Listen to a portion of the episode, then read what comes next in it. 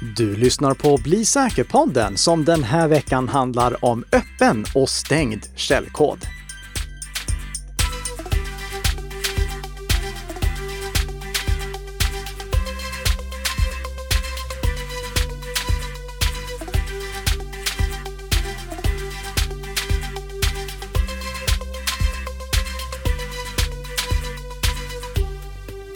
Ja, god morgon, god morgon och välkommen till Bli säker-podden med mig Karl Emil Nicka. Utan Tess Hamark den här veckan också, för hon är fortfarande på semester. Men nästa vecka, då är hon tillbaka och då är allt som det brukar igen i den här podden som produceras i samarbete mellan Nicka Systems och Bredband2.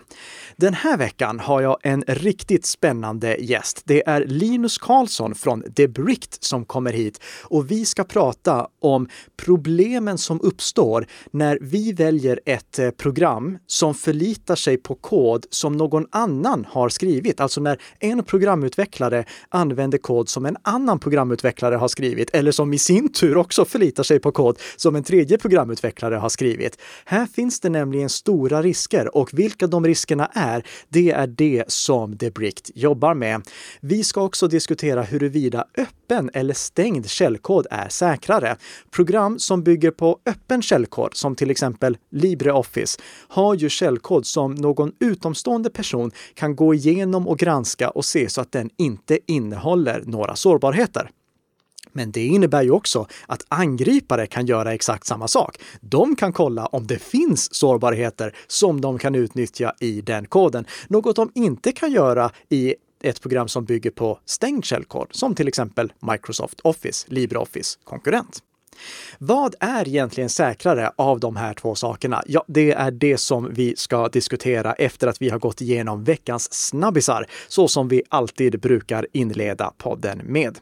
Och den första saken som jag skulle vilja lyfta idag är bara en liten kommentar till förfrågan som jag har fått angående möjligheten att kommentera våra poddar och varför det kräver registrering. För vi låter vem som helst kommentera våra poddar. Du kan gå till nickasystems.com podcasts.com, klicka in dig på poddavsnittet och där nere har du ett kommentarsfält så att du kan skriva vad du vill. Du kan kommentera det som vi säger här ifall du tycker att någonting bör läggas till eller någonting bör korrigeras. Och du kan ställa frågor också. Fördelen med att ställa frågor där, det är ju att då kan fler se svaren än om du skickar frågorna direkt via kontaktformuläret. Men för att du ska kunna kommentera, då måste du registrera ett konto. Anledningen till det är egentligen rena integritetsskäl. Och det kan låta konstigt, men vi kräver ett konto för att vi inte ska behöva skicka kommentarerna till någon tredjepartstjänst eller använda en tredjepartstjänst för kommentarer. Det finns ju vissa sådana här tjänster som till exempel Discuss. Det är en kommentarsfunktion som du ser på många webbplatser. Men om vi använder den, då går kommentarerna till en tredjepartstjänst och det är någonting som till exempel dataskydd.net avråder oss från att göra.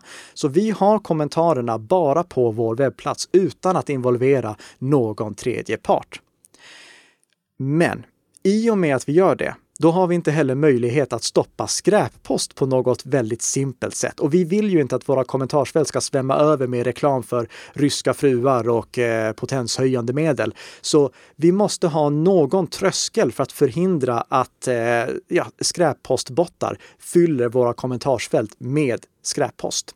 Och det är därför vi har den här registreringen. För att man ska få kommentera, då måste man registrera sig med en riktig e-postadress och på det sättet kan vi hålla nere skräppostkommentarerna till ett minimum.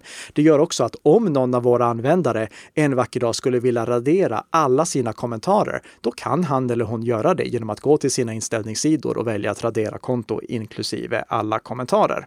Så där har ni bakgrunden till varför vi kräver registrering. Kommentera jättegärna och har du registrerat dig en gång, då är det synnerligen lätt att kommentera flera gånger i framtiden.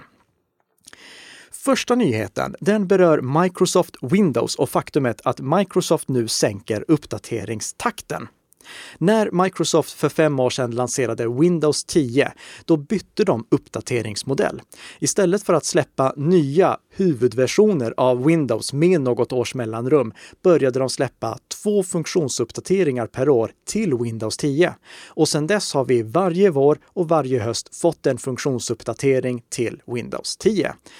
Det är i samband med de här funktionsuppdateringarna som det också har uppstått de kompatibilitetsproblem som vi har rapporterat om flera gånger tidigare här i podden.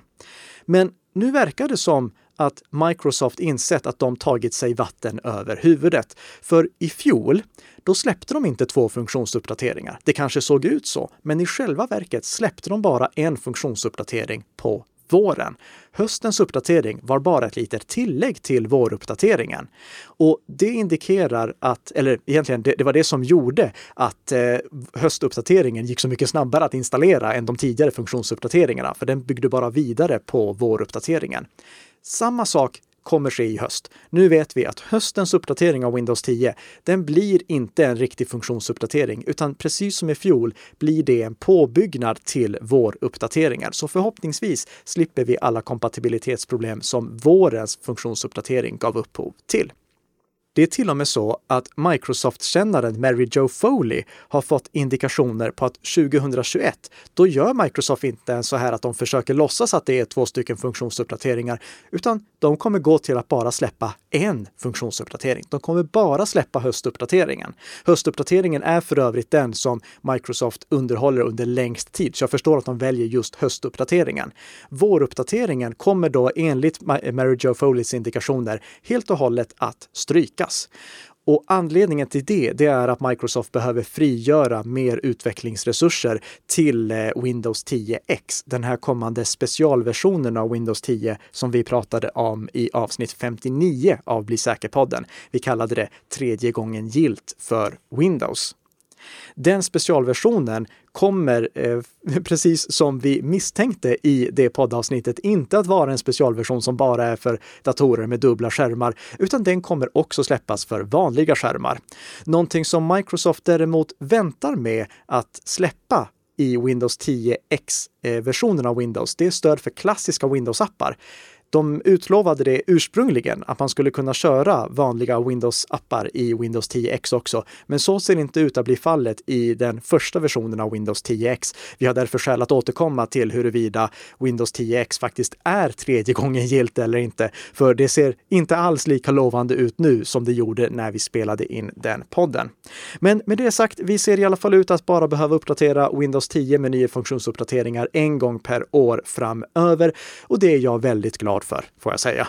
Framförallt, jag förstår inte varför man skulle behöva släppa två stycken funktionsuppdateringar per år. Eller jag förstår inte varför Microsoft skulle behöva släppa det. För Windows är det äldsta operativsystemet av alla de populära operativsystem som vi ser idag. Alltså, eh, det är äldre än Mac OS, det är äldre än eh, eh, iOS, det är äldre än Android och alla de här versionerna klarar sig med en uppdatering per år. Så nog borde då också ett moget operativsystem som Windows också göra det. Och innan någon kommenterar att MacOS är äldre än Windows så vill jag poängtera att MacOS är namnmässigt äldre än Windows, men den grunden som MacOS bygger på idag är yngre än grunden som Windows bygger på idag. Tredje nyheten för den här veckan är mobilrelaterad. Det är Google som har släppt den nya fantastiska mobiltelefonen Pixel 4a. Och det är en mobiltelefon som eh, jag tror skulle bli jätteintressant att ha i företagssammanhang, inte minst. Anledningen till att vi lyfter den här i podden, det är ju att Googles Pixelmobiler uppdateras varje månad med säkerhetsuppdateringar i minst tre år. Det står uttryckligen på Googles webbplats att Pixel 4a kommer att underhållas med säkerhetsuppdateringar till augusti 2023 som minst. Det är därför väldigt, väldigt lovande. Men Tyvärr så kommer den inte att släppas officiellt i Sverige. Precis som tidigare pixelmobiler så får vi förlita oss på att den kommer in på andra vägar till svenska marknaden. Föregångaren Pixel 3A, den släpptes i USA för 399 US-dollar och sen så hittade den hit till Sverige för 5 490 kronor. Så vi kan ju hoppas på att Pixel 4A också gör det och då kommer den troligtvis att hamna på ett pris under 5 000 svenska kronor. Recensenterna som har hunnit testa mobilen har varit lyriska över den, så jag kan varmt rekommendera er att kolla närmare på den mobilen om ni känner er nyfikna på den.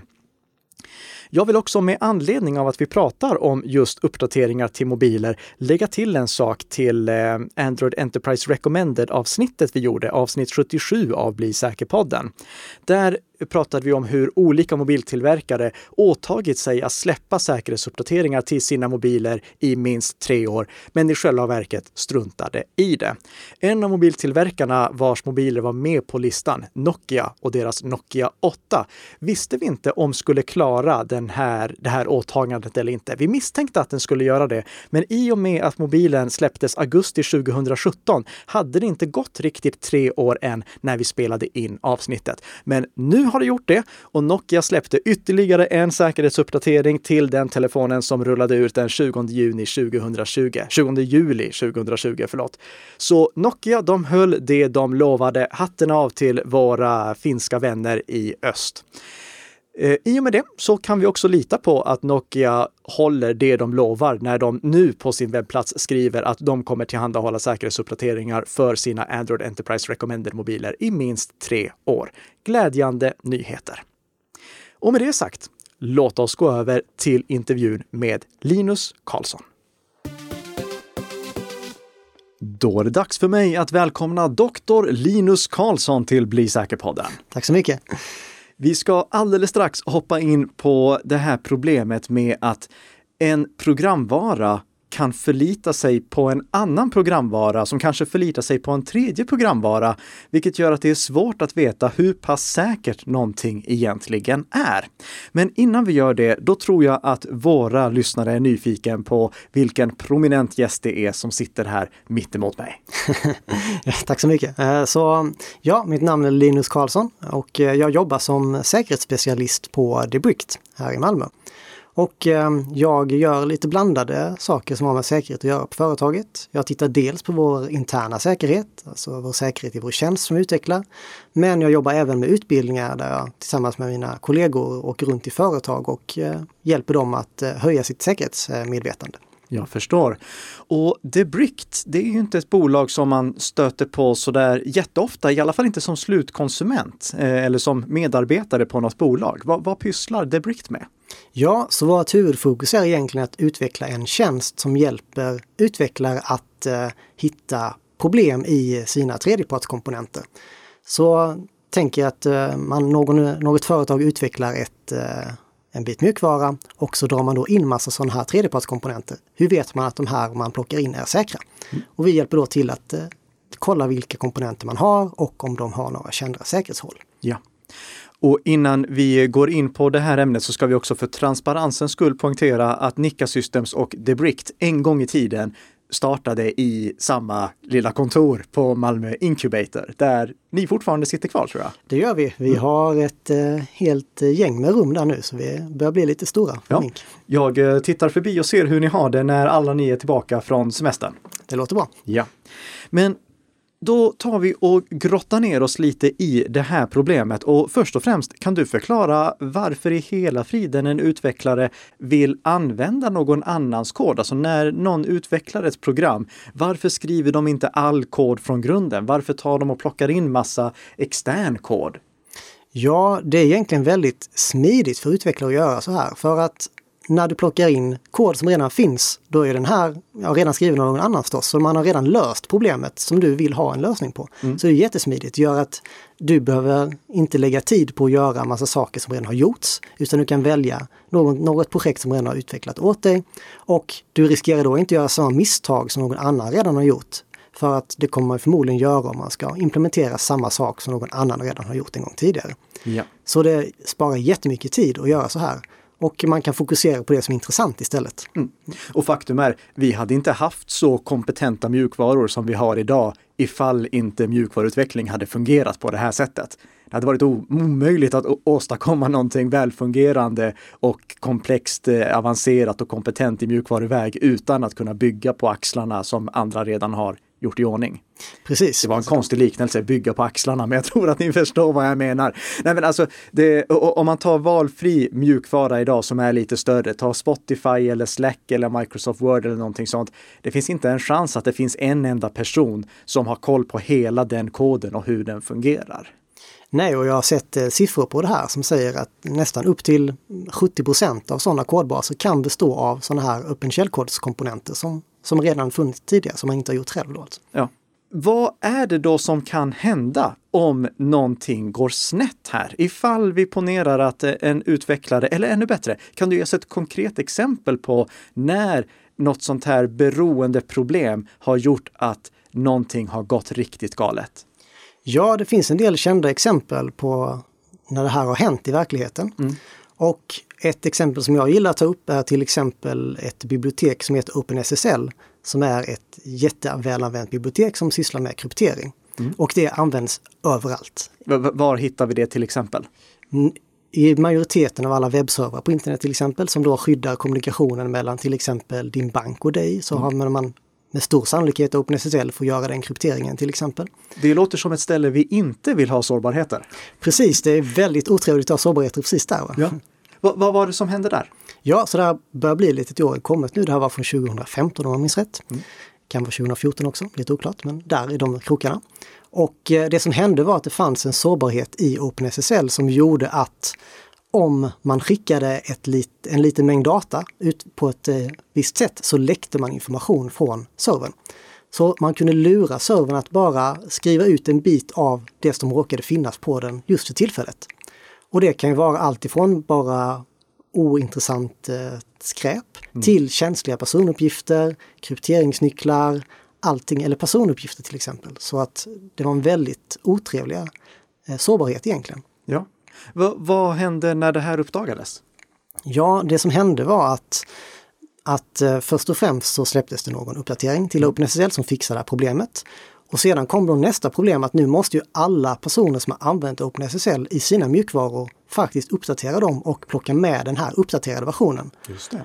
Och det är ett ganska stort projekt att få det att, att flyta på. Mm.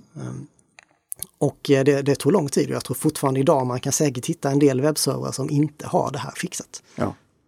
Jo, det finns sannoliken bortglömda webbservrar som står och tuggar i någon garderob någonstans som inte är åtgärdade. Men hur kunde det här hända? Hur kunde ett så, eh, någonting så välanvänt som OpenSSL innehålla en så allvarlig sårbarhet? Ja, många blir nog förvånade när man, när man såg det här. Mm. Och sen när man började gräva och titta i det här så visade det sig att trots att det är en så välanvänd mjukvara så var det bara ett fåtal personer som faktiskt arbetar med det här. Jag tror bara det var en person som sysslade med det på heltid till exempel. Och så det var väldigt få personer som var inblandade. Mm. Och det var ju då en liten ögonöppnare för hela utvecklingsvärlden skulle jag säga att någonting som är så välanvänt var det så få personer man, man eh, förlitade sig på egentligen. Ja. Och OpenSSL är definitivt inte den enda gången som det här har hänt. Vi behöver bara, vi, vi, vi kan göra som så här, vi backar tillbaka till i våras när vi hade Ripple 20-incidenten. Eh, vi pratade inte om den i podden då för att eh, det enda som eh, man som slutanvändare kan göra för att motverka de problemen som Ripple 20 orsakar, det är att uppdatera sina produkter. Men vad var Ripple 20 sårbarheterna? För det var ju flera stycken. Vad, vad var det och hur påverkade slutanvändare? Ja, Ripple 20 var ett, en samling med sårbarheter som var i en i en komponent som hade med nätverkskommunikation att göra. Mm. Så en väldigt lågnivåkomponent där någon, där, där företag då plockat in den här komponenten och tänkt, ja men det här är typiskt en grej som är jobbigt och svårt att utveckla själva. Vi plockar in en färdig komponent där någon redan löst det här problemet åt oss. Och det visade sig då att det var väldigt många företag som hade använt just den här komponenten. Och eh, sedan så hittade en, ett gäng forskare då massa sårbarheter i den här komponenten. Och då betyder det att alla eller de flesta produkter som använder det här kan då vara potentiellt sårbara för attacker. Ja. Och eh, de här sårbarheterna, de fanns då i skrivare, i eh, styrsystem för eh, energiförsörjning, de, de fanns i kameror. Det, i och med att så många hade använt samma grund och den här grunden hade en sårbarhet i sig så blev det här ett enormt problem. Som slutanvändare som sagt, det enda vi kan göra det är att uppdatera våra produkter. Men här det, det, det, här var så stort problem att jag tror inte ens att alla produkttillverkare var medvetna om att deras produkter var drabbade. Det kan jag definitivt tänka mig, för det är inte säkert att, att alla företag har koll på exakt vilka komponenter man använder i sina produkter. Man har plockat in dem vid något tillfälle och sedan bara ligger de där och fungerar. Tror man, tror man i alla fall. ja, precis. Och här kommer vi då osökt in på vad det är ni på Debrict pysslar med. Ja, definitivt. Så det vårt verktyg hjälper till med är att samla in och, eh, och eh, undersöka vilka tredjepartskomponenter man använder i, sin, i sina produkter. Mm. Och vi samlar in en sån här lista och tittar då och, och ser om det finns några kända sårbarheter i de här komponenterna. Ja. Så vi kan hjälpa till att faktiskt göra att man kan hantera sina komponenter och se om de är säkra. Mm. Det här är ju då någonting som alltså mjukvaruutvecklarna har nytta av för att de ska kunna garantera att de skeppar versioner av sina mjukvaror som inte är sårbara eller som inte eh, innehåller skadlig kod för den delen heller. Men hur kan man som slutanvändare egentligen veta om en mjukvara som man har tänkt installera i sin tur innehåller kod som är sårbar eller som är eh, skadlig? Det är ett ganska svårt problem faktiskt. Det man kan göra är att titta på hur den här eh, leverantören eller utvecklaren verkar hantera sin mjukvara. Får, kommer det patchar ofta till exempel, då tyder det på att ja, men de verkar ändå ha något form av medvetande här om att eh, de, de verkar hålla koll och uppdatera sin produkt, de bryr sig om den på något sätt. Va? Mm. Medan har det inte kommit uppdateringar på flera år, då kan man börja misstänka att äh, är det någon som ens bryr sig om den här? Har de kollat om det ens finns sårbarheter i den? Och då kan man börja bli lite tveksam skulle jag säga. Just det, det är ungefär som vi har pratat om flera gånger tidigare här i podden att om ens router inte har fått säkerhetsuppdateringar på ett eller två år, då är den routern troligtvis bortglömd av sin tillverkare för det borde ha hittats sårbarheter i den på ett eller två år och då borde det ha behövts släppas en säkerhetsuppdatering för att åtgärda dem. Jag säger inte att det inte finns routrar som det inte dyker upp sårbarheter i på ett eller två år, men med tanke på hur komplexa produkter routrar är, som dessutom är direkt exponerade mot internet, så borde det behöva uppdateras lite oftare. Inte minst med tanke på att routertillverkarna i sig tillhör troligtvis de som i allra högsta grad förlitar sig på kod som andra har gjort en gång i tiden. Definitivt, det måste finnas många komponenter där som är återanvända. Ja. Ni jobbar ju då framförallt med öppen källkod och granska öppen källkod. Är det i sig en fördel ur ett säkerhetsperspektiv att källkoden är öppen? Ja, det är en väldigt svår fråga att svara på egentligen. Det finns egentligen två, två läger här kan man mm. säga. Det finns ett sätt att resonera där man tänker att ja, men om källkoden är öppen, då kan ju alla attackerare titta på den och se att här finns en sårbarhet och kan vi utnyttja den. Det är ju mycket enklare om det är öppen källkod, för eftersom vem som helst kan se det. Och då skulle man kunna tänka sig, ja men gör inte det att det blir osäkrare? Men sen så har vi det andra läget som menar att ja, men om nu källkoden är öppen, då kan ju alla titta och leta efter sårbarheter i det här och fixa till dem. Mm. Så jag kan själv granska koden och se att den här verkar vara säker till exempel. Eller ja. någon annan. Så det finns två olika sätt att se på det här och det, det är svårt att veta vem som har rätt egentligen. Mm. Ja, och jag skulle säga att det varierar också för e- ett bevis på att stängd källkod inte nödvändigtvis är säkrare bara för att eh, angripare inte kan upptäcka sårbarheter. Det får vi varenda patch-tisdag när vi ser att Microsoft släpper hundra eller eh, eh, åtgärder för hundra stycken sårbarheter som de har hittat i Windows. Men samtidigt ett bevis för att inte öppen källkod per definition är säkrare. Det är ju det som du nämnde med OpenSSL. Det var ingen som hade hittat det. Precis, så att eh, det verkar som att det är något annat som spelar roll här. Ja. Och, och det jag skulle säga att det intressanta är ju mer hur man jobbar med säkerhet och framförallt om man tar upp en källkod då att det faktiskt är någon som tittar och letar efter sårbarhet i det. Mm. Det räcker ju inte att man har möjligheten. Det måste ju faktiskt vara någon som tar ansvar och gör det också. Ja. Och det har ju då varit ett problem med OpenSSL som vi nämnde tidigare, det bara var ett fåtal utvecklare som, som arbetar med det här. Det som hände efter den här kända sårbarheten i OpenSSL var att Linux Foundation, som är en, en, en stiftelse med, relaterat till Linux, de började faktiskt starta någon form av, vad ska vi säga, en, en fond eller i alla fall sponsra mm. eh, olika projekt för att leta efter sårbarheter i välanvänd mjukvara som är väldigt viktig för internet. eh, kallas för Core eh, Infrastructure Initiative. Ja. Där man då bland annat tittar på OpenSSL men även på andra mjukvaror som har med till exempel DNS eller på några andra sätt är viktiga för att internet ska fungera som helhet. Och vem är det då som finansierar det här? Ja, det är väldigt många olika företag. Dubrict är till exempel en av medlemmarna i Linux Foundation som då går tillsammans för att, eh, för att sponsra den här typen av projekt. Det finns många, många saker Linux Foundation gör. Ja. Men när ni har kollat i olika sådana här populära öppen källkodsprojekt, hittar ni många som inte har tillräcklig finansiering för att man ska kunna säga att de är säkra bara för att det är öppen källkod? Just för att det inte finns någon som faktiskt kollar på koden som finns där i. Om man tittar på till exempel det här Core Infrastructure Initiative, där har man då jag tror det ligger kanske, kanske 10-20 projekt som man har fokuserat på där. Ja. Och det är ju säkert långt från alla, men där har man gjort någon form av urval. Liksom. Och mm.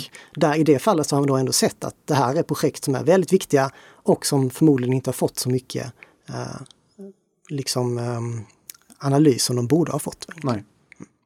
För jag, jag vet ju själv att det egentligen borde varenda kodrad som jag skriver lämnas över till någon annan som kollar ifall jag har tänkt galet eller inte. Ja, precis. Eh, och den lyxen eh, finns på vissa bolag, finns inte på andra. Och jag ser ju många små hobbyprojekt som troligtvis bara är en tjej eller kille som sitter ensam och knackar på, men som ändå väldigt många behöver för att få sina webbplatser att fungera eller för att få sina applikationer att fungera. Precis, precis. Men vad skulle du då säga? Tycker du att det är överlag bättre att välja program som baseras på öppen källkod än stängd källkod? Ja, det är lite lurigt frågor att svara på där förstås. Ehm, jag skulle nog titta på andra grejer i första hand. Mm. För att just licensen i sig är nog inte det intressantaste. Jag skulle titta på hur ofta kommer uppdateringar? Vad, vilken process, hur ser processen ut när det kommer säkerhetshål? Blir de patchade snabbt? Tar det lång tid? Är den här utvecklaren, verkar den vara intresserad av att eh, fixa säkerhetsfixar eller tycker mm. den bara det är jobbigt? Så den typen av aspekter tror jag är mycket mer intressant att titta på än om det är öppen eller stängd källkod. Det var ett väldigt bra svar får jag säga. Det, det var ganska ex, exakt det som jag ville höra också. För det, det, det, är så ofta jag hör diskussionen att bara för att ett projekt är öppet så ska alla använda det. Eh, vi har till exempel den diskussionen när det gäller lösenordshanterare. Det är LastPass och OnePassword som är två av de lösenordshanterare som vi har pratat mest om här. De är inte öppna. De, de bygger på, på stängd källkod. Och det finns de som inte vill använda dem bara av den anledningen. Och jag själv, jag tycker ju själv att det är en stor fördel ifall projektet är baserat på öppen källkod. Mjukvaran som jag bygger, den baseras helt och hållet på öppen källkod. Jag hade inte kunnat bygga den utan de fantastiska öppen källkodsresurser som finns. Men jag tycker samtidigt det är viktigt att man kommer ihåg att eh, det som du själv har sagt eh, och varit inne på flera gånger nu, att bara för att ett projekt är öppet betyder det inte per definition att det är säkrare. Nej, precis. Det finns många andra saker som är, som är intressant att titta på också. Ja. Även om det är trevligt med open source rent för, generellt. Ja. håller jag med dig om. Och det, det, måste ju vara en stor resurs för er för att det måste vara mycket lättare för er att granska öppen källkodsprojekt än stängt. Ni kanske inte ens kan granska stängt källkodsprojekt? Vi kan se om de är, om man har det som en, eh, ett beroende i projekten så kan vi se dem. Men då får man ju förlita sig på att, att det rapporteras in sårbarheter till de här projekten från andra källor som vi bara kan hämta in då. Ja. Och det är ju en sak som eh, vi, vi hinner nog ta det också. Just rapportering av sårbarheter. Hur fungerar det egentligen i de stora öppen källkodsprojekten idag? Ja, en ganska vanlig modell är att just säkerhetssårbarheter, eller sårbarheter, de rapporteras först till utvecklarna med någon form av det som kallas för responsible disclosure. Mm. Så att utvecklarna bara får se det här, det blir inte publikt till att börja med. Utan utvecklarna får reda på det lite i förväg, de kan titta på, okej, okay, hur eh, ser det ut? Kan vi, kan vi patcha det här? Och sedan så släpper man en patch samtidigt eller, eh, eller innan man faktiskt publicerar eh, informationen om att sårbarheten finns. Ja. Men det, det, det, finns lite olika diskussioner där om det, om det är rätt modell eller om man ska publicera allt till att börja med. Det, det är en annan, annan fråga, men det här är nog den vanligaste skulle jag säga. Bra. Nu är det dags för dig att gå på semester, eller hur? Det ska bli jätteskönt. Ja. Så eh, du ska få slippa ut härifrån i den varma eh, poddstudion. Men först och främst, stort tack för att du tog dig tid att podda med oss.